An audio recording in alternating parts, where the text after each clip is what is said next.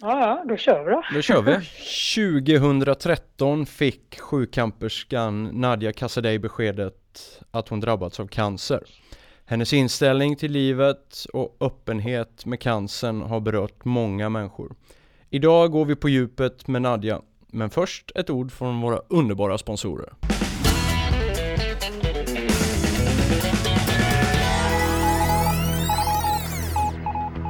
Unika människor presenteras av Compressport. Kompressionskläder av högsta kvalitet. Som lyssnare får du en rabatt på compressport.se med koden UNIKA. Välj Compressport för snabbare återhämtning, förbättrad prestation och för att förebygga skador. Vitamin Manager du är fortfarande unik och ditt kosttillskott kan också vara det. Använd koden 2017 för din första leverans för 95 kronor. Buff på köpet till alla nyteckningar på rabattkoden. Välkommen till vitaminmanager.com.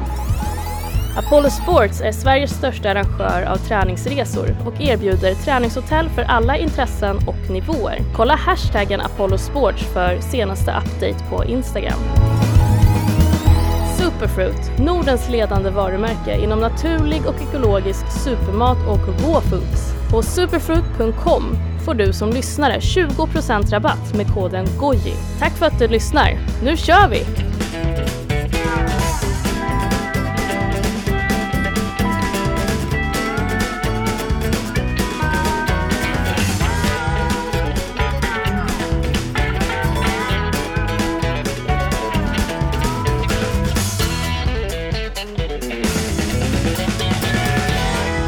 Ständigt positiva, glada och hoppfulla Nadja från Karlskrona satt på ett café när läkaren ringde. Lite slingrande berättade han att Nadja hade cellförändringar.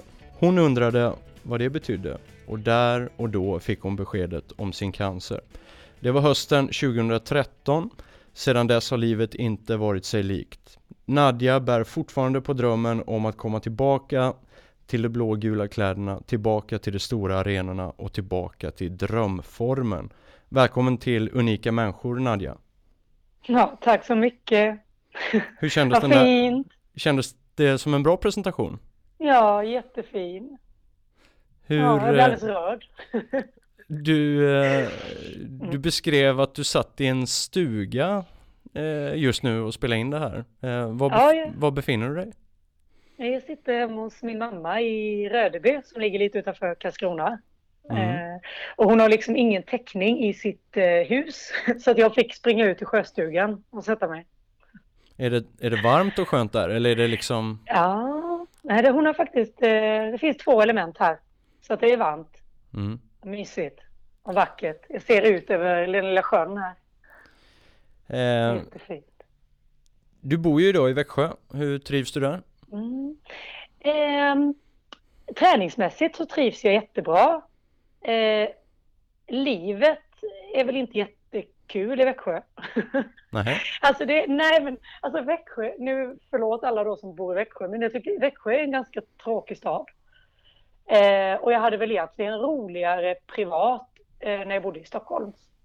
Ja. Men det kan, ja, men jag, och jag har lite analyserat detta och jag tänker att det är säkert för att här, jag har bott här nu i 11 månader ungefär. Och det enda jag gör är att åka mellan träningsanläggningen och min lägenhet. Eh, vilket gör att jag egentligen inte har gett staden en chans. Så det kan också vara därför. Men är det något så här du saknar som du har haft på din bucket list i Växjö länge så här, det här måste jag ju göra men aldrig kommit till skott liksom? Nej, det är egentligen inget. Jag, alltså, jag, Det efter finns inga sådana lite- grejer. Ja, men alltså lite fler mysiga kaféer. Och jag har liksom inte någon bucket list för just Växjö. Jag har nog egentligen ingen bucket list i livet överhuvudtaget. Du Nadja, vi pratade lite i inledningen här om 2013 när du fick ett Mm. eh, cancerbesked. Kan du bara berätta lite för lyssnarna här, hur Mm. har det förändrat eh, ditt liv? Eh, alltså när jag fick mitt cancerbesked så för det första så fattade jag ju inte vad det innebar och, och därför var jag väldigt positiv och jag tänkte väl lite så här att ja, men cancer, jag, alltså jag har ju hört att och jag fattar att folk dör i den här sjukdomen men men jag är så ung och jag är så vältränad, jag är så stark i kroppen så jag tänkte liksom att ja, men om de tar in mig på behandling så blir ju jag frisk. Eh, och så blev det ju inte riktigt. Jag fick ju liksom alla biverkningar du kan tänka dig. Alltså blåsor i munnen, huden sprack, läpparna sprack. Eh, jag fick jättesvårt att kissa för det sved hela tiden. Eh, jag fick massa sådana grejer och då fattade jag ju lite att shit, det här är ju inte att leka med. Och då tänkte jag lite när jag var sjuk så här att åh, det här kommer förändra mitt liv. För det är ju det man läser i alla tidningar. Mm. Du vet att livet vändes upp och ner och ingenting är sig likt och ja. Eh, och då tänkte jag lite så här, shit nu kommer jag bli så där lugn och harmonisk och insiktsfull och klok. Eh, men jag känner lite så nu när jag har gått igenom det här att det har jag inte riktigt blivit. Du är samma person typ? Ja, alltså jag är väldigt mycket Nadja nu eh, som jag var innan. Däremot så hör jag att min, min omgivning tycker att jag blivit lite mer, lite mer eftertänksam och lite mer närvarande, tycker de. Mm. Eh, och det, jag, jag märker inte det själv, men det är vad de säger till mig. Ja, det var min följdfråga där. Hur, hur, ja. hur märker man det då? Eh, men du märker inte det alltså? Du, alltså känner... du bokar alltså... inte så här middagar med alla dina bästa Nej. vänner och tar vara på dagen precis eh, varje sekund och sådär eller? Nej, jag gör inte det. Nej, jag gör inte det. Alltså jag, jag äh, nej, jag är lika tråkig liksom som jag var innan. Där, där, alltså, däremot så har jag blivit lite mer hypokondrisk. Ja, på vilket sätt? Här, alltså, är jag förkyld så är det så här, shit. Det var så här förkyld jag var innan jag blev sjuk. Mm. Tänk om det har kommit tillbaka. Jag får huvudvärk så är det så här, oj, sitter det i huvudet nu? För mm. att grejen är så att innan jag blev sjuk, innan jag fick cancer, så var jag aldrig sjuk. Jag var, var jag förkyld så var jag det liksom en dag, lite snuvig eller jag hade liksom inte huvudvärk. Nu kan jag ha huvudvärk jätteofta. Och då är det klart att jag tänker att ja, varför har jag det nu när jag inte hade det då? Det är säkert cancer. Eh, så, så har jag ju förändrats. Och, och blivit lite mer så här, jag har lite tänkt att jag var odödlig innan. Och vetat lite så här att ja, men jag har hur mycket tid som helst i livet. Och så känner jag ju kanske inte riktigt nu. Men, men även, även, om jag, även om jag är medveten om att jag inte har så mycket tid eh, så är det inte så att jag panikplanerar in grejer bara för det. Nej. Hänger du, hänger du med? För det kan jag tänka att om man tänker så om man, om man upplever att man har väldigt lite tid så, så tänker jag att det kanske blir så här att ah, nu måste jag, jag måste åka på den där resan för jag kan dö snart.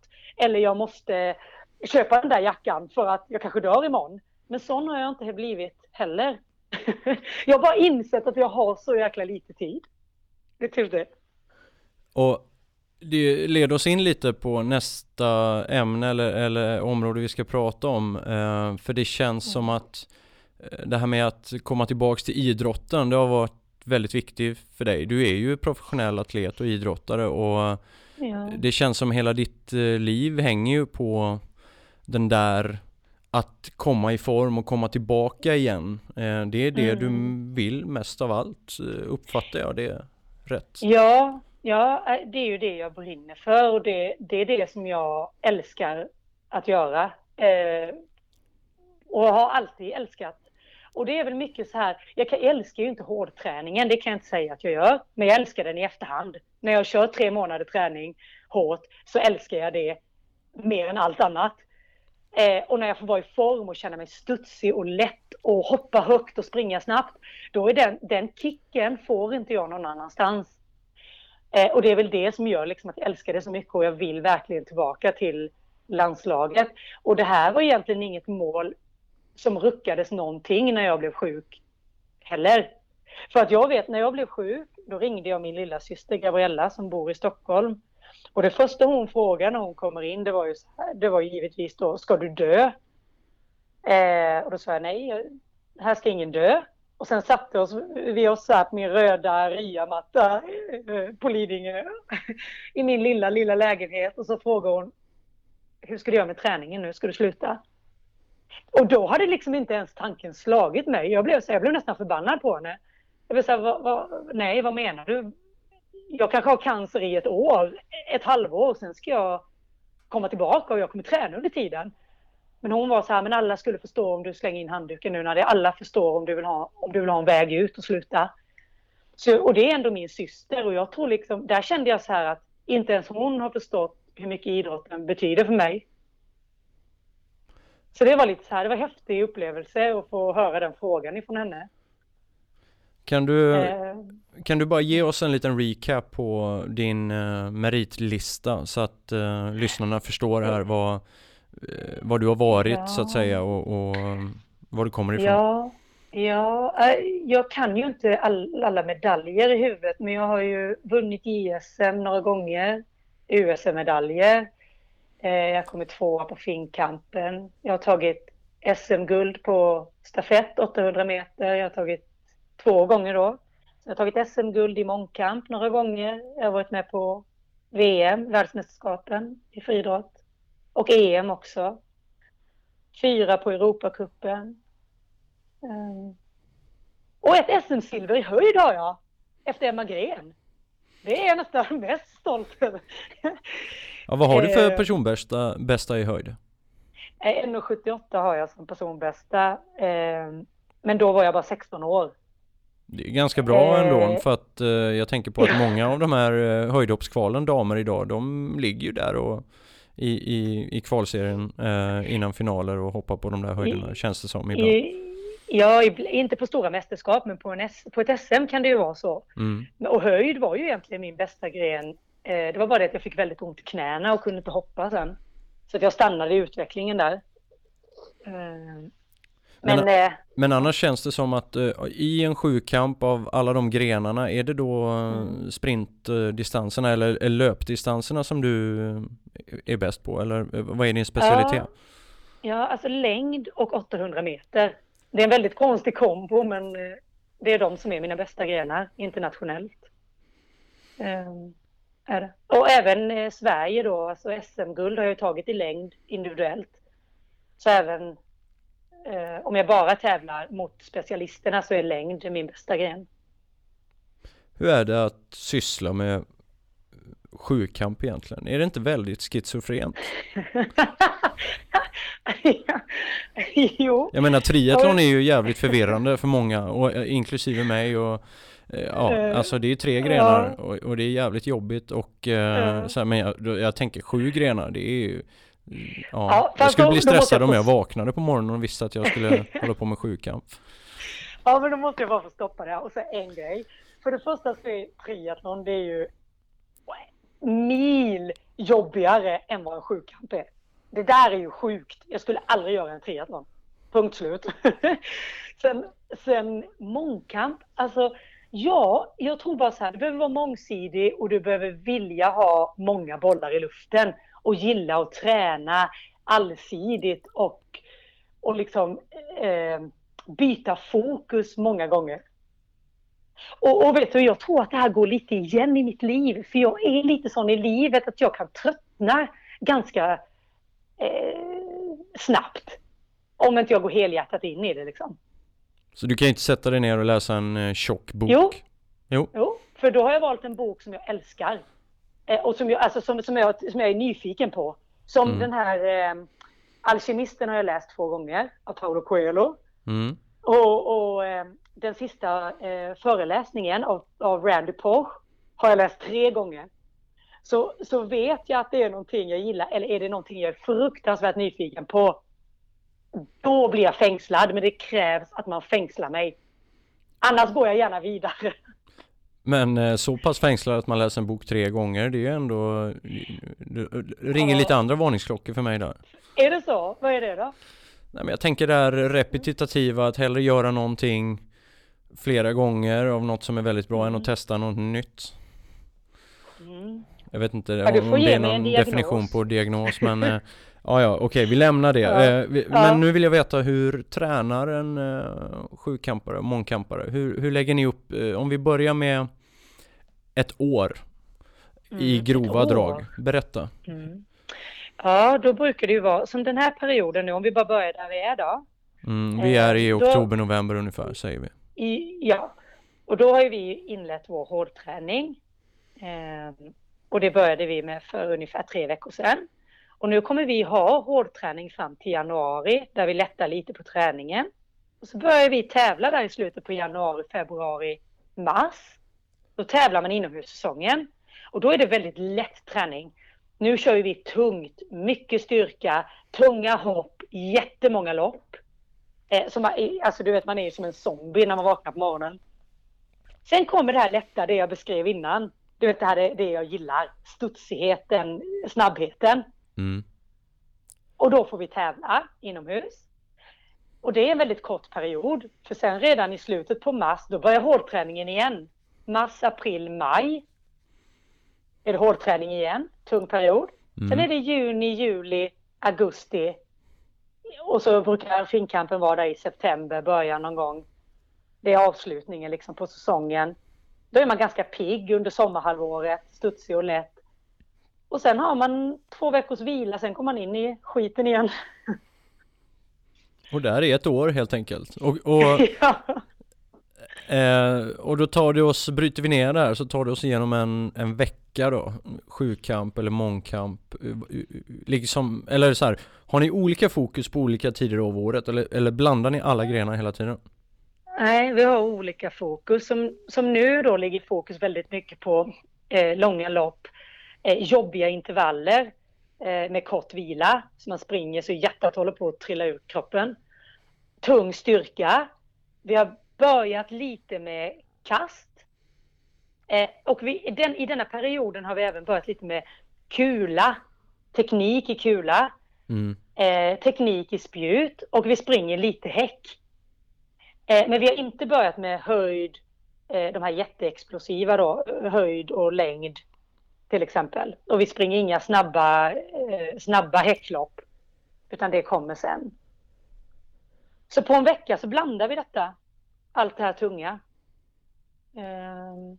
Som idag till exempel ska jag gå och köra ett styrkepass. Och sen har jag kast efter det. Och hur träningsmängd på en vecka, vad blir det? Hur, hur mycket liksom tid spenderar du i dina tights och eh, träning, träningslinne?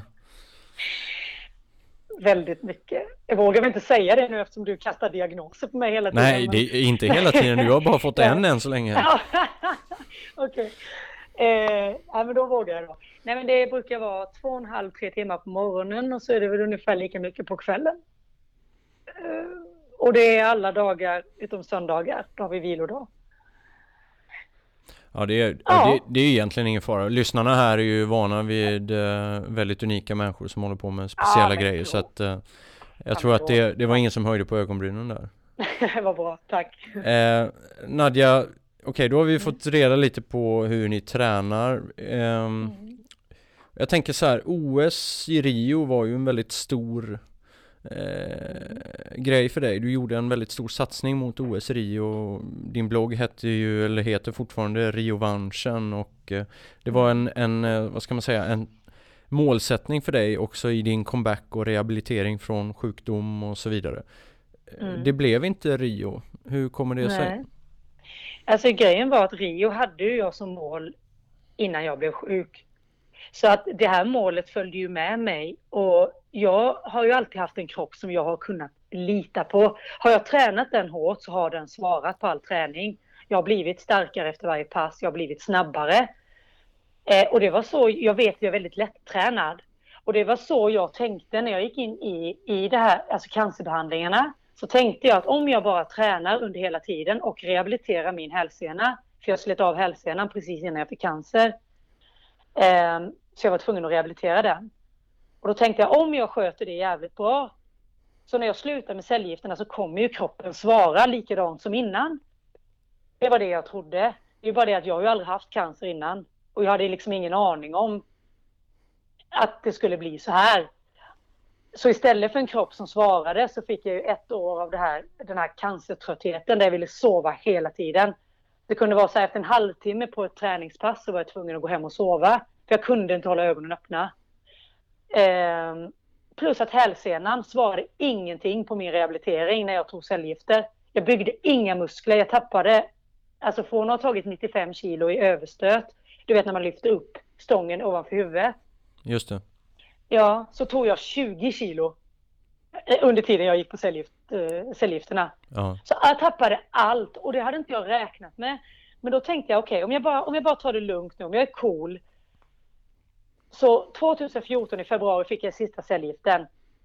Jag tar det här året och låter cancertröttheten försvinna då.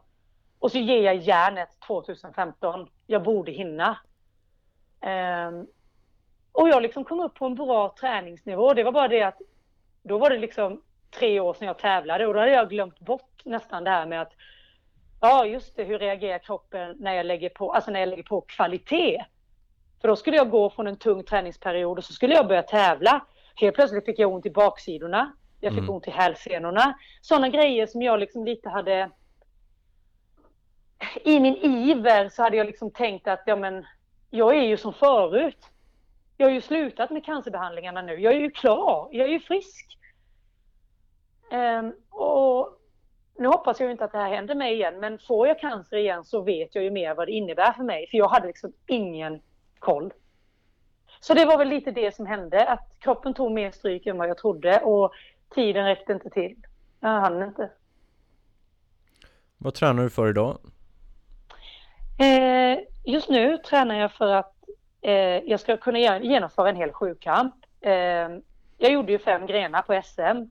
Jag ville göra sju. Eh, och energimässigt så orkade jag. Det var bara det att jag fick lite känningar på ställen där jag haft känningar innan och då valde jag att bryta tidigare så att jag inte åker på en skada. Så först och främst nu så jag vill, eh, jag vill göra en femkamp inomhus. Säsongen som kommer nu. För det har jag ju visat för mig själv att det kan jag. På vilken nivå, det har jag också lärt mig så här nu. Jag har ingen aning.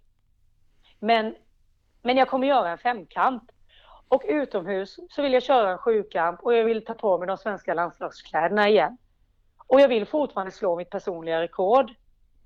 Vilket jag känner, jag, jag, det, det, här är det positiva. Jag känner i kroppen att jag svarar. Jag känner att jag kan bli snabbare. Det är bara det att allting tar så fruktansvärt mycket längre tid. Um, så att det är mina mål, det är mina tre mål. Jag vill göra femkampen, jag vill köra min sjukamp och ta mig tillbaka till landslaget igen. Um, och slår jag mitt personliga rekord i sjukamp, då, då, då kommer jag ju få göra fler mästerskap. Ja. Uh, men jag ser, jag ser det över en treårsperiod, sen är jag klar med min idrott. Vad händer sen då? Uh, ja, jag har ju pluggat till beteendevetare uh, tre år på högskolan, så jag tänker att jag kanske jobbar någonting med det. Eller så föreläser jag. Jag föreläser ju lite nu.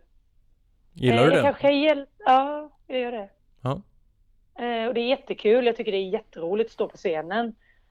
Eh, framförallt, det, det roligaste är ju när människor kommer efteråt och, och kanske säger att oh, fasen, här hjälpte du mig eller här fick jag ett bra råd. Eh, då känner jag så här, fasen det här kanske kan göra skillnad för någon. Jag kanske kan hjälpa någon. Och då blir det så jäkla roligt. Um, Sen vet jag inte, jag är lite sådär du vet, snacka om det här hela livet, det vet jag inte heller om jag orkar. Så jag får se om jag gör om föreläsningen och, och pratar om något helt annat. Men jag har lite alternativ.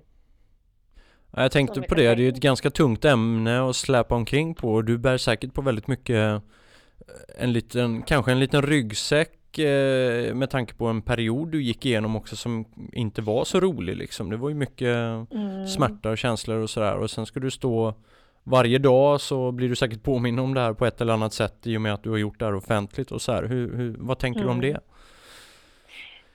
Um, ja, alltså, jag, jag, jag tänker på cancer varje dag. Och det beror väl egentligen kanske inte på omgivningen utan det är mer på mig själv att jag inte riktigt eh, jag går runt och oroar mig lite. Mm. Jag är orolig för att det ska komma tillbaka eller för att det ska drabba någon annan. För jag fattar att det kan liksom hända när som helst, vem som helst. Och det är lite läskigt. Men sen just det här med att, och jag gråter ju på varje föreläsning nästan. Så just därför är ämnet tungt för mig, även om jag skrattar jättemycket också. För jag har både allvarliga och humoristiska inslag i det jag berättar. Eh, men det, det, är ändå tärande ibland, såklart. Um, Så jag vet inte riktigt vad jag tänker. Jag vet inte ens om jag svarade på din fråga nu. Nej, jag, jag, jag, sökte väl med det här att, att uh, som du sa där, att du, du blir påmind om, om det varje gång ja. du står på scen och så här att, uh, ja. uh, att, du, att det är lite tungt för dig. Ja, alltså, men det ska jag också säga att och det är väl egentligen det här som, som jag känner ibland kan vara provocerande när jag säger, men jag säger det även i min föreläsning, att cancern, eh, mina tyngsta nätter så var cancern väldigt jobbig, för då trodde jag på fullaste allvar att jag skulle dö. Eh, men då använde jag alla mina mentala verktyg för att kunna liksom hantera natten. Och det var nätter när jag inte ens sov, jag bara stod och grät. Alltså för jag var så rädd.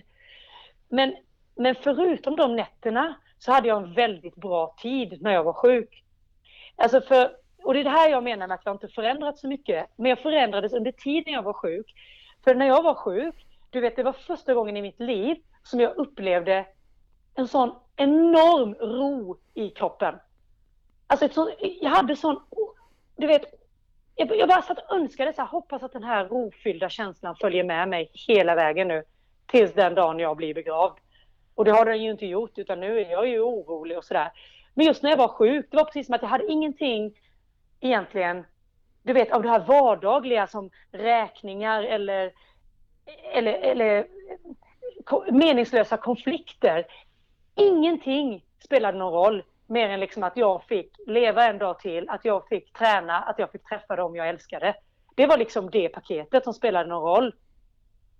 Det är, eh, det är ganska intressant. Vad, vad, vad lärde du dig av det eller vad har du tagit med dig i ditt liv som frisk nu då? Ja men det, och det är ju det, jag, jag, jag vill ju hitta tillbaks till den där känslan igen. Och jag har lite tänkt på det här och jag tror att anledningen till att jag kunde känna så, det var för att jag insåg när jag var sjuk att jag kan faktiskt dö. Och dör jag så har jag liksom ingenting, jag kanske har sex månader kvar att leva, jag kanske har ett år. Jag behöver inte oroa mig för någonting. För dör jag så dör jag och då försvinner alla problem jag har. Jag behöver inte oroa mig för dem nu för de försvinner ändå, för då dör jag. Så det blev så enkelt för mig att skjuta allting annat åt sidan. Hänger du med? För jag förstod att allt kommer försvinna ändå. Ja. Om jag inte överlever. Men just nu så lever jag med inställningen att jag kommer ju leva till jag är 103. Därför behöver jag ta tur med saker. Jag, jag kan inte skjuta saker åt sidan. Och därför kan jag inte riktigt hitta den här rofyllda känslan. Jag behöver betala räkningar för jag ska leva länge. Jag behöver liksom svara på samtal och mejl och, och, och se till liksom vad ska jag göra i framtiden. Jag behöver planera. Det behövde jag inte på samma sätt när jag var sjuk. För jag visste ingenting om framtiden. Alltså, men, hänger, när, hänger du med? Ja, jag hänger med, jag hänger med. Men har du haft den där rofyllda känslan någon gång efter det här? Nej. Du har aldrig känt av den igen? Den har aldrig kommit tillbaks? Nej. Och det är jätte, jag, jag, jag, jag letar och jag tänker så här. Handlar det bara om hur jag tänkte då? Att det var så här att, att jag hade mer lättsam inställning, liksom så här att ja men skitsamma, jag kanske dör ändå. Eh, eller, blev det, eller var livet enklare för att jag var sjuk? För att grejen är också när jag, när, när när jag är sjuk, nu vet ju inte jag hur det funkar för andra, men när jag var sjuk så var det ju så här att omgivningen visste ju att jag var sjuk. Omgivningen visade väldigt mycket respekt och hänsyn. Så om det var, om mina närmsta vänner till exempel, om jag, eller till och med ytliga vänner, om jag inte svarade på en vecka så var det så här, men jag förstår, det är ingen fara. Jag vet att du har cancer. Ta den tid du behöver. Det känner inte jag är lika okej okay idag skulle jag skita i grejer en vecka så du... ibland så kan det bli att det är inte, det är inte schysst. Det är inte okej okay att göra så. Men det blir lite så... som att du cancern att, att du hade cancern att skylla på eller det var så här att Ja, ja, alltså ja. Det var ju det viktigaste just då. Ja. Så att du, ja. jag menar Precis. Men idag har du inget att skylla på. Att Nej. du inte svarar eller att du inte prioriterar. Exakt. Så att det mm. var ju lite så, det blev ju en liten sköld på något sätt mot allting. Så jag kunde bara fokusera på det liksom som som, eh, det, ja, men som jag kände för. Det låter nästan lite som om man ska lyfta det resonemanget så är det nästan som en, liksom den moderna människans handikapp. Att vi, vi har ju alla problem med det där på ett eller annat sätt Mm. och det är ju bara när man drabbas av sådana här livsomvälvande situationer där man kanske man måste bara foka på en grej. Det är som när man när jag fick mitt första barn, eh, nu har jag Mm. ett men ett till på väg och när jag fick Mm. det där första barnet i tio dagar så var man ju så fokuserad på det så Ja. att man man kunde inte göra något annat. Ja, Man ville inte, man, man Nej. bara man var i en bubbla och det är den där bubblan som Ja. ofta barn, där barnafödandet ofta beskrivs, det är ju precis som du säger, i en bubbla. Ja. Så skönt. Det, Eller hur? Ja, det är väldigt skönt och, och det är Ja. lite intressant. Jag har faktiskt aldrig hört någon beskrivit det på det sättet som du gör nu med eh, en, en allvarlig sjukdom och i ett, i ett annat, eh, liksom i en an, annat skede av livet att du upptäckte det där. Ehm, Ja. vad, Jag kände verkligen när vi ändå är eh, inne i det där med eh, cancern, ehm, mm.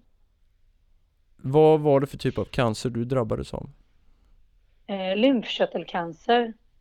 Eh, så jag fick i magen och eh, i halsen. Och man upptäckte det genom att jag hade gått jag, ett helt år nästan med magkatarr som inte blev bättre. Och jag var hos min allmänläkare säkert fyra gånger och fick tabletter och sådär. Eh, och eh, till slut fick jag göra en gastroskopi och då såg man att jag hade blödande magsår. Och så tog man en biopsi, ett sånt vävnadsprov man knipsade av en liten bit eh, i magsäcken och skickade det på analys. Och så visade det sig då att det var cancer. Så Och du, ja. Du valde ju att ganska snabbt gå ut och bli offentlig med det här och, och på något Mm. sätt upplever jag det när jag läser och eh, lyssnar på dig i andra intervjuer och sammanhang att eh, du sökte en form av stöd i det offentliga rummet. Mm, det gjorde jag. Alltså, jag. Jag hade egentligen ingen plan med att... Jag, jag, trodde, jag blev chockad när tidningar och tv och radio ringde, för det hade jag inte alls. Alltså det fanns inte i min värld, utan jag agerade instinktivt och det var så här, shit, jag måste bara ha hjälp. Jag måste ha pepp från alla håll som bara går. Eh, jag, jag vill bara att, du vet, att folk bara kommer hit och kramar mig eh, liksom lite nästan ta hand om mig som att jag var en bebis. Alltså du vet som att jag var tillbaks på, ja men i, på det här, alltså i, när man var jätteliten.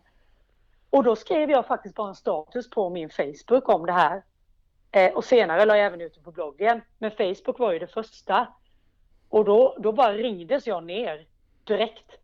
Av allt och alla. Och det, det hade inte jag rätt med.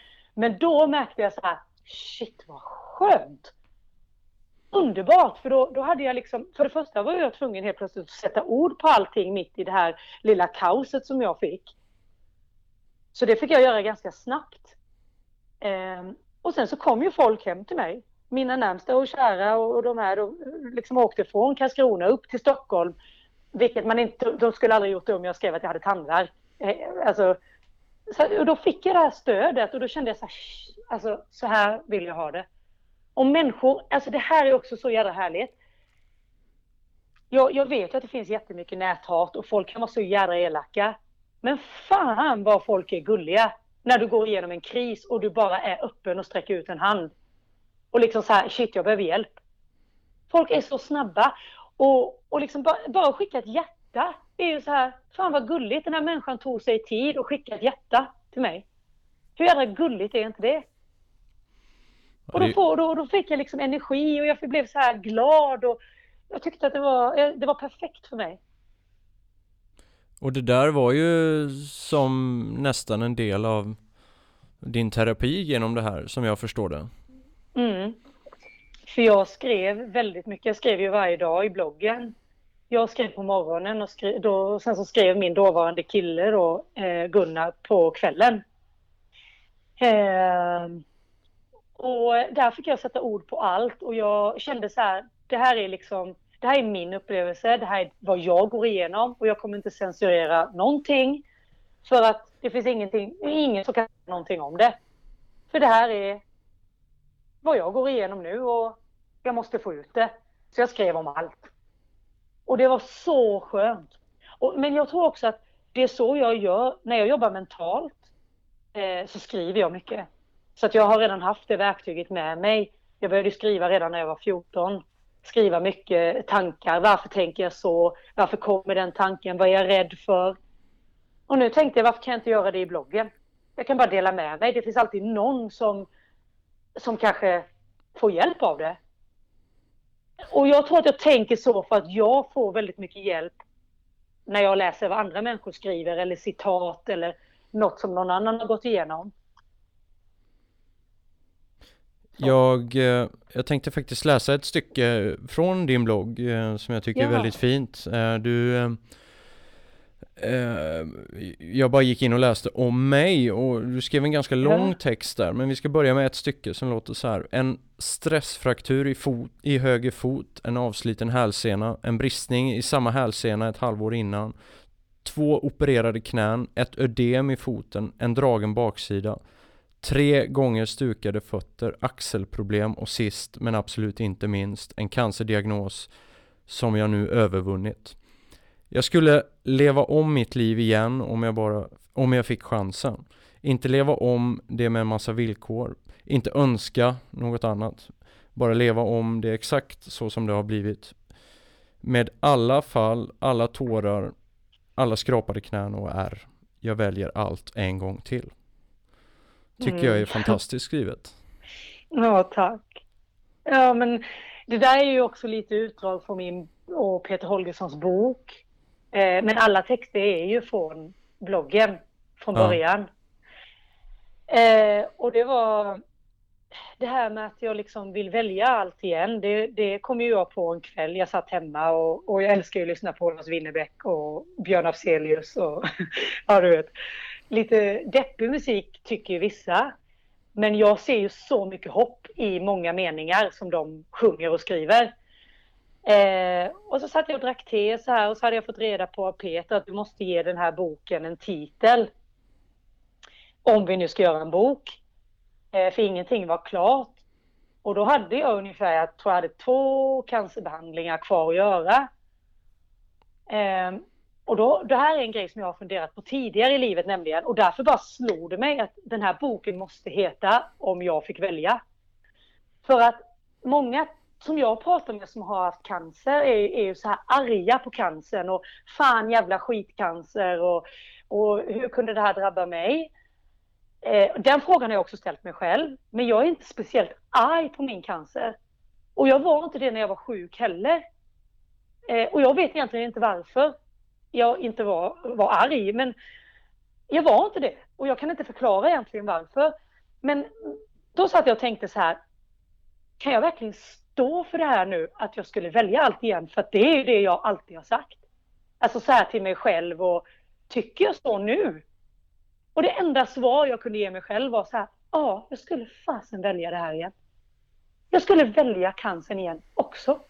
Och då visste inte jag ens om jag skulle överleva. Men det var en så stark känsla i mig och jag tror att, jag tror att det här är blandat med rädsla. För att det, jag skulle inte våga välja någon annans liv. För att jag vet att hur bra liv än ser ut utåt så vet jag att alla har sina problem. Alla har sina kriser. Alla är olyckliga ibland, alla mår dåligt ibland. Det är så. Så oavsett om jag skulle välja ett annat liv så skulle jag förmodligen inte bli lyckligare ändå. Därför väljer jag mitt. Jag skulle vilja ha det här igen. Jag skulle vilja ha mina föräldrar och mina syskon, de är helt sjuka i huvudet. De är så jävla roliga, jag skulle aldrig vilja byta ut dem. Och cancern liksom, där fick jag så mycket. Alltså jag fick, jag, jag, jag, fick vara med om så mycket olika känslor. Jag fick se konstiga sidor av mig själv. Ja, jag hade ju aldrig haft ångest till exempel innan jag fick cancer. Det fick jag lära mig när jag var sjuk. Så här, shit, det här måste vara ångest. Jag hade sånt tryck över bröstet. Det är så här. Nej, jag väljer det. Ja. Jag, jag tänkte avrunda den eh, ja, läsningen där, för du avslutar, ja. det är en ganska lång text du skriver och jag, jag uppmanar verkligen lyssnarna här att gå in på din blogg och, och läsa det här stycket för det är väldigt fint. Du avslutar så här. Jag väljer också cancern, alla smärtor, alla sprutor, all ångest. Oro, oron över att jag ska dö eller överleva. Paniken vissa nätter, rädslan, ensamheten där i sjukhussängen, slangen i halsen, doften av cytostatika, kräkningarna, tröttheten, det rakade huvudet, jag väljer kampen, jag väljer mitt liv. Det är så mm. jävla tungt. ja. Men det är väldigt fint. Det, du, ehm, du, du, gillar verkligen att skriva och du kan ju verkligen uttrycka dig här. Ja, jag älskar att skriva. Jag tycker det är, det är ventilation för mycket. Jag får ut mycket där. Att, eh, Om vi ja. pratar lite om den här boken du skrev tillsammans med Peter Holgersson som har blivit väldigt uppmärksammad eh, runt om i mm. världen också faktiskt. Mm. Eh, hur kommer det sig att ni eh, skrev den? Var, började den resan? Eh, hela resan med Peter började egentligen när jag blev sjuk. För att när jag insåg så här att jag kommer tappa håret och det här kommer bli en ja, sjuhelsikes resa. Då tänkte jag liksom, jag måste ju ha det här på bild, för jag älskar foton också. Jag har 18 000 bilder i min mobiltelefon. jag tar foton på mycket. Och då frågade jag honom, snälla Peter, kan inte du ta bilder på mig genom det här? Och han sa, ja vi kan testa om inte du tycker att det blir för liksom närgånget och sådär. Jag sa, jag skiter i vilket. Jag vill bara ha bilder på allt. Så då sa han, okej, okay, jag kommer till Lidingö så kör vi några så här testfoton. Eh, och han, jag känner ju Peter för han har varit med på våra landslagsläger innan och mästerskap och fotat. Så det var liksom, jag, jag bara fick ett infall. Jag bara gick på en puls. Lite spontan. Och så började vår resa så här, började dokumentera egentligen redan eh, bara liksom några veckor efter att jag hade fått mitt besked. Då började han ta bilder. Så följde han med hela vägen till min sista cellgift. Um, och det var egentligen aldrig, vi hade ingen tanke på att det skulle hända någonting med de här bilderna utan det här var ju till mig. Och Peter sa någon gång, ah, vad bra när du föreläser och så, om du vill göra det i framtiden kan ju du använda de här bilderna. Jag tänkte, fasen vad bra, ja absolut. Vi kör. Um, och sen så fick jag reda på, jag visste ju inte att han skulle tävla med de här bilderna. Jag fick ett eh, mess mitt i natten Eh, Nadja, för fasen, nu ligger vi femma i World Press Photo. Jag fattade ingenting. Jag tänkte, vad fan är han full eller? Vad skriver han om? Vadå? Vadå? Va? Jag, jag fattade ingenting. Så var jag tvungen att googla. Så såg jag att det var alltså den här världens största fototävling. Och då insåg jag att han var med där och tävlade och då gick han ju och, och vann eh, eh, första pris i eh, eh, World Press Photo och så blev han ju tvåa i Picture of the Year. och då blev det så här, vi måste ju göra en bok. Ja, perfekt. Då tar vi tar texter från, eh, från min blogg och så, så tar vi de texterna som passar till bilderna. Eh, och så blev det en bok. Man kan ju se på Peters sajt, om man googlar Peter Holgersson så mm. hittar man hans sajt så kan man ju se en del bilder från boken. Mm. Uh, och de är ju Hela boken vad jag förstår, jag har inte sett boken i tryckt form men Den är mm. alltså plåtad i svartvitt mer eller mindre Ja, ja och det är den. Uh, ger ett otroligt dramatiskt intryck med ditt uh, rakade huvud, slang i halsen och uh, mm. väldigt starka bilder faktiskt. Vad, ja, då... vad tänker du när du slår upp boken idag och tittar i den? Jag börjar gråta. Mm. Ja. Äh, för jag, dels så känner jag inte igen mig själv och det är lite så här som att jag, som att eh, det känns lite suddigt på något sätt. Jag kan inte sätta ord på det. Det, det är liksom, det är så här, är det där jag? Så såg jag ut sådär? Alltså vad cool jag var! Alltså, så blir det lite. Eh, men så ser jag ju också, han har ju tagit bild på mig när jag har tränat och så. Och jag ser, ser liksom, oj, vad otränad jag var. Eh, fast säkert ingen annan skulle säga det, men om jag jämför med nu till exempel så ser jag sådana grejer och då blir jag lite så här, ja. Det är sånt ja. du kollar på helt enkelt. ja. ja. Vil vilken, def, vilken dålig def du hade som cancerpatient. Ja, men, ja, nu lät det helt sjukt. Men jo, men jag tittade på det så jag måste ju vara ärlig. Ja, jag tittade på det och sen, men sen också det här att det liksom inte riktigt såg ut som, som, som jag. Jag vet inte. det, det känns som att det var någon annan på bilderna, lite grann. Eh, det känns som att det är en coolare brud på bilderna än vad jag känner mig idag. Så då. Mm. Mm. En fråga som jag tänkte ställa, som jag funderade lite på när jag cyklade till jobbet i morse, det var, den kan uppfattas lite konstig kanske, men när man drabbas av en sån här sjukdom och får ett mm. sånt här besked, vad är det man är mest rädd för? Är det att dö eller smärtan som det här eh, Eh, som skapas av sjukdomen och smärtan runt om dig som drabbar anhöriga och liknande. Att se det här, vad är det? Förstår du vad jag menar? Är du, var du väldigt rädd för att dö? Mm. Eh, ja, jag har två grejer där.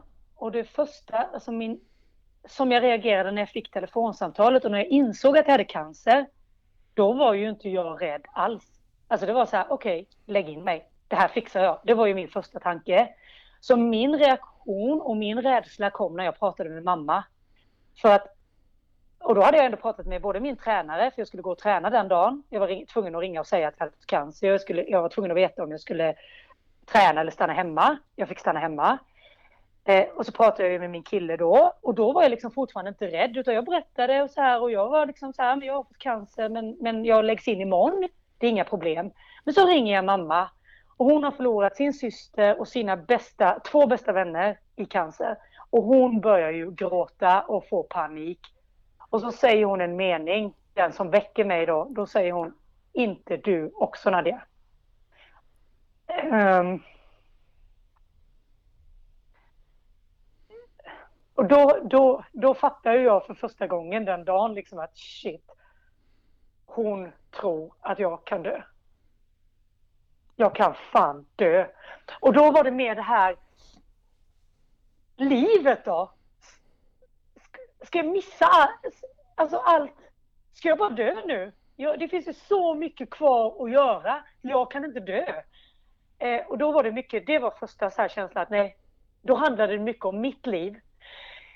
Sen när jag kom längre in i sjukdomen, när jag hade de här fruktansvärda nätterna, när jag trodde så här, okej, okay, somnar jag nu, då vaknar jag aldrig igen. Jag kommer dö i natt. Eh, då fick jag ju en sån insikt, för då hade jag stått i fyra timmar och storbölat i vardagsrummet och bara kände så här, jag kommer dö, jag vill inte dö. Jag kommer dö och jag, jag är inte redo att dö. Eh, och till slut blev jag så trött så då satte jag mig i ett sånt här djupt fönster eh, med så här djupa fönsterkarmar och bara satte mig där och tittade ut. Och då vet jag började be. Jag bara, okej okay, jag ska snälla om det finns en gud, du vet, jag ska aldrig mer klaga på kylan. Jag, jag lovar, jag hatar ju kyla. Jag ska aldrig mer klaga på den, jag ska gå ut och leka i snön och jag, jag, jag, jag lovar, jag ska... Jag bara, bara låt mig leva lite till. Och så bara började jag dra upp en lista på saker jag är dålig på och jag minns inte vad jag sa nu men jag, du vet, jag bara satt och pratade högt. Och sen bara slog det mig så här, vad håller jag på med? Alltså jag, det hjälper ju inte vad jag gör och jag är så trött. Och oavsett hur mycket jag sitter här och önskar att jag ska få leva så hjälper inte det. För dör jag så dör jag. Och då får det vara så. För då kom jag på så här, var, varför tror jag att det är mig det är synd om? För det är ju inte mig det är synd om. Jag kommer dö. Jag försvinner från den här jorden och jag vet inte vad som händer efter livet. Men det är ju för fan mest synd om de andra som ska överleva det här. De som får bära liksom smärtan och, och Gunnar som ska hitta mig här imorgon om jag ligger här och dör. Och då kom det till mig att det här handlar liksom inte om mig. För att jag... Allt som händer med mig är att jag försvinner. Och då fick jag, då fick jag lugn igen. Då blev jag så här, okej, okay, fine. Då kunde jag gå och lägga mig liksom. Du, du nämnde Gud där. Hur är ja. ditt förhållande till något allsmäktigt? Finns det? Eh, Ja, jag har ju velat vara troende. Eh, du har velat vara? Ja, ja, jag har velat det. Du har inte funnit jag... det riktigt? Nej, jag har velat vara det. Jag vill, och jag, jag, vill, jag tror inte på Gud som är en gubbe som sitter någonstans och att det finns någon som bestämmer saker och sådär. Men jag tror att det kanske finns någonting större. Och, och det är det jag vill hoppas och tro på. Att det finns något större. Så ibland, eh, både när jag har det bra och när jag har det dåligt, så kan jag bara titta upp så här och säga tack. Eh, och jag vet egentligen inte till vem, men det bara känns bra i mig. Det känns så här skönt. Jag tackar oavsett om jag har det bra eller dåligt så tackar jag i alla fall. Eh, och då brukar det bli så här. Jag vet inte vad, vad det är i mig som gör att jag vill tacka, men då tackar jag någonting. Och jag vet inte ens vad det är. Men jag är inte troende så. Eh, jag går inte i kyrkan och... Um... Du, du svär ju en del också. Så skulle, ja, jag svär en del. Det skulle gå dåligt med en eh, stark tro kanske ska, ja. ja. säga så ja. många svordomar under en och samma podd. Men ja.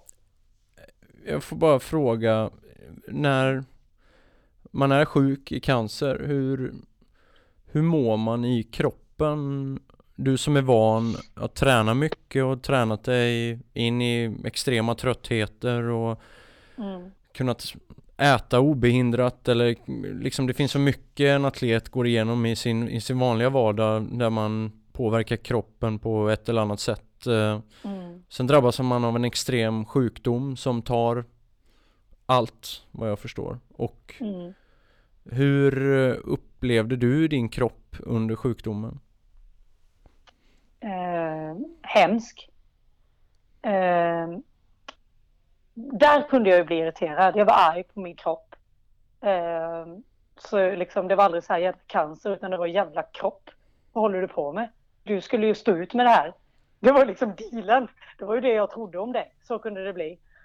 Eh, och jag orkade ju liksom inte bära matkassar. Jag flåsade när jag gick upp för en trappa upp till lägenheten. Och jag tappade all tillit till min kropp. Det var så här, okej, okay, jag fattar. Den gör som den vill. Jag har liksom ingenting att säga till om. Och eh, så fort jag tränade så blev jag ju nedbruten och då visste jag att tränar jag nu så får jag offra hela kvällen. Då kommer jag ligga med feberkänningar på kvällen.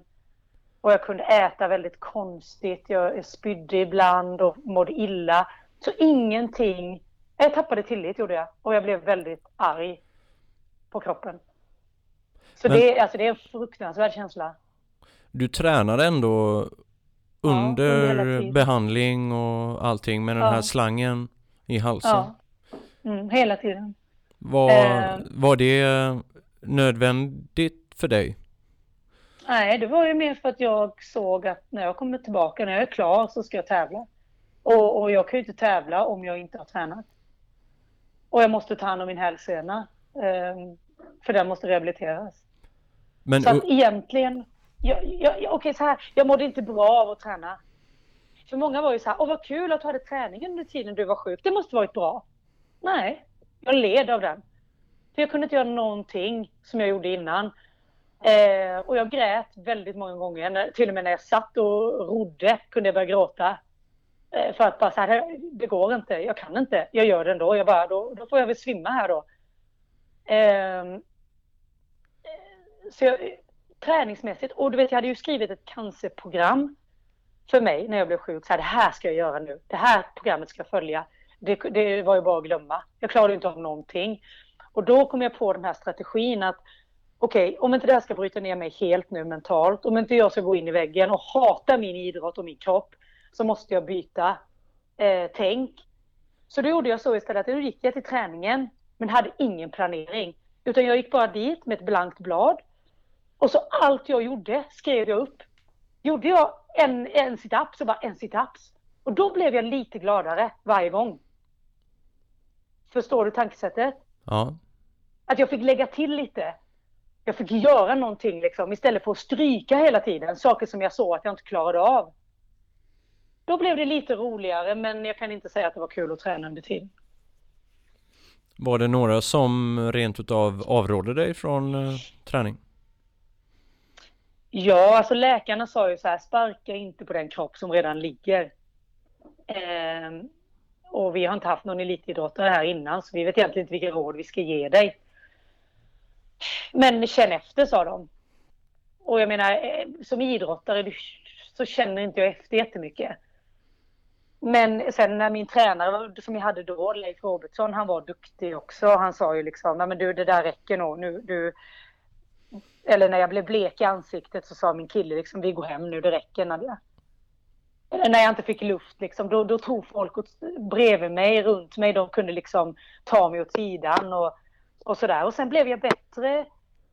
Allt eftersom tiden gick så blev jag så här, nej nu vill jag spy. Nu börjar jag få feber, vi går. Så att, ehm, ja. Du måste ju uppfattats som ganska hård mot dig själv i en, i en sån situation ändå. Ja, alltså det hörde jag många gånger. Var inte så hård mot dig själv.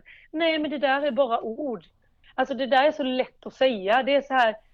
Jag hade ett mål för ögonen och jag ville inte släppa det. Och då visste jag så här. Jag har alltid varit hård mot mig själv. För, det, för mig är det vad idrott handlar om. Alltså att ha karaktär, att göra det man ska och liksom pressa sig genom hårda pass. Så det här liksom följde med mig även när jag var sjuk. Så det blev liksom så, jag kunde bli irriterad när folk sa så till mig. Men ta det lugnt, men, ö, lugna ner dig lite liksom. Ja men, ja men skaffa cancer själv då och, och vill komma tillbaka till landslaget eller vara med på OS då som jag ville. Så ska du få se hur lätt det är att ta, ta det lugnt. Alltså det är inte så lätt. För då står liksom hela ens dröm och, och ens målsättning liksom och väger där med de här cellgifterna. Men där var jag också så här, för läkarna sa att fingrarna började domna, det var ju en sån biverkning jag fick, alltså att jag inte kunde använda händerna. Mm. Och då blev jag rädd, för då sa jag det, jag ska liksom stöta kula. Ni måste ju göra någonting. Ja, men det enda alternativet är att dra ner på doseringen på medicinen och då liksom, vill du verkligen göra det? Men då och där var jag också så här, ja det måste ni göra, för jag måste använda mina händer. Och då tänkte ju inte jag, det fanns, jag tänkte ju inte att ja, men drar vi ner så kanske jag kan dö. För jag var så inställd på att överleva. Så det var så här, nej men ni får dra ner det för jag, jag måste ha känsel i händerna. Så då fick jag ju dra ner, så nu har jag ju känsel i händerna. De, de blir lite kalla i fingertopparna och så nu, men jag har ju full känsel. Men där var jag också så här konstigt envis, som jag lite i efterhand inte riktigt kan förstå. Mm. Tycker du att jag är sjuk eller? Nej, men jag tänker så här, eh, om man, om man lyssnar på dig nu som jag har gjort ett tag och så hör man liksom att eh, shit, eh, vilken framåtdrift liksom, vilken motivation, vilken styrka att kunna göra allt det här och ha fokus. Och du har ju på något sätt så är ju det som har räddat dig i den här situationen att du har varit stark mentalt och verkligen kunnat. Men sen tänker jag också så här Sjukamp kan ju inte vara meningen med livet. Är det det tycker du? Nej, det tycker jag inte. Det är bara det att det är det som jag älskar att göra. Alltså som du förmodligen älskar att göra den här podden och det är någonting du gör. Sen kanske man inte gör det till vilket pris som helst. Skulle de säga så här, du måste amputera benet annars dör du. Nu vet ju inte jag hur jag skulle reagera. Men skulle de, skulle de säga till mig, drar vi ner den här doseringen medicin så dör du. Då hade jag förmodligen inte valt, jag ska tävla. Alltså, så, så det, det nästan, lite inte... den, eh, nästan lite den tanken får jag när du, ja, du beskriver, ja, beskriver det. det. här som att ja, eh, de vill dra ner, de vill hålla medicinen på en nivå, du säger mm. dra ner den för jag ska stöta kula. Och det är ju så här att just där och då visste ju inte du som Nej, du säger, hur sant. det skulle påverka. Det är otroligt eh, vågat. Ja. ja. men det var nog för att jag, där, där också, men det är det jag menar, jag, nu i efterhand tycker jag att det låter konstigt. Men där och då var jag så inställd på att jag skulle fixa det där. Jag skulle klara det där. Alltså jag, jag, jag, det är klart jag överlever det här. Det var ju min inställning. Så att jag tror att det var därför jag kunde ta det beslutet. Så, och det, det, och det, det här frågan har jag fått många gånger. Om jag får cancer igen. Och den här frågan har jag ställt mig själv många gånger. Jag tror att jag skulle vara mycket räddare nu. För nu vet jag vad det handlar om. Det är det.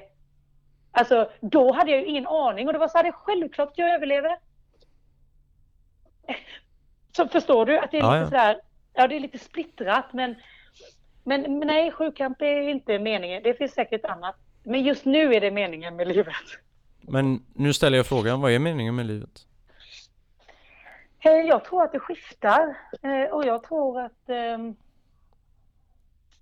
alltså meningen med livet, det är ju en sån, det är, jag tycker egentligen att det är en, det är en gullig fråga egentligen, men också väldigt knäpp. Mm. För att jag tror att det ligger i där vi har våra passioner. Där, där, där, och det, i det vi älskar. Människor eller det vi gör. Eller, och det vi brinner för. Det som får oss att gå igång och bli så här handlingskraftiga och vilja göra saker. Eller bara ta det lugnt eller vila. Alltså det som vi själva hittar passion i. Det, det tror jag är så här. Det är meningen med det här. Mm. Mm. Nadja, är det något som du vill skicka med lyssnarna här avslutningsvis? Åh, det kunde jag väl få förberett mig på i så fall. jag vet inte. Jag är dålig på att skicka vidare bara så. Du vet, då måste jag sitta och skriva en timme. Jag är inte så snabbtänkt. Men då tänkte jag att jag skickar med lyssnarna Ja. några grejer och det är framförallt att jag tycker ni ska följa Nadja i hennes sociala kanaler. Eh, bloggen är väldigt välskriven och väldokumenterad. Vill ni ha träningsinspiration så finns det massor där.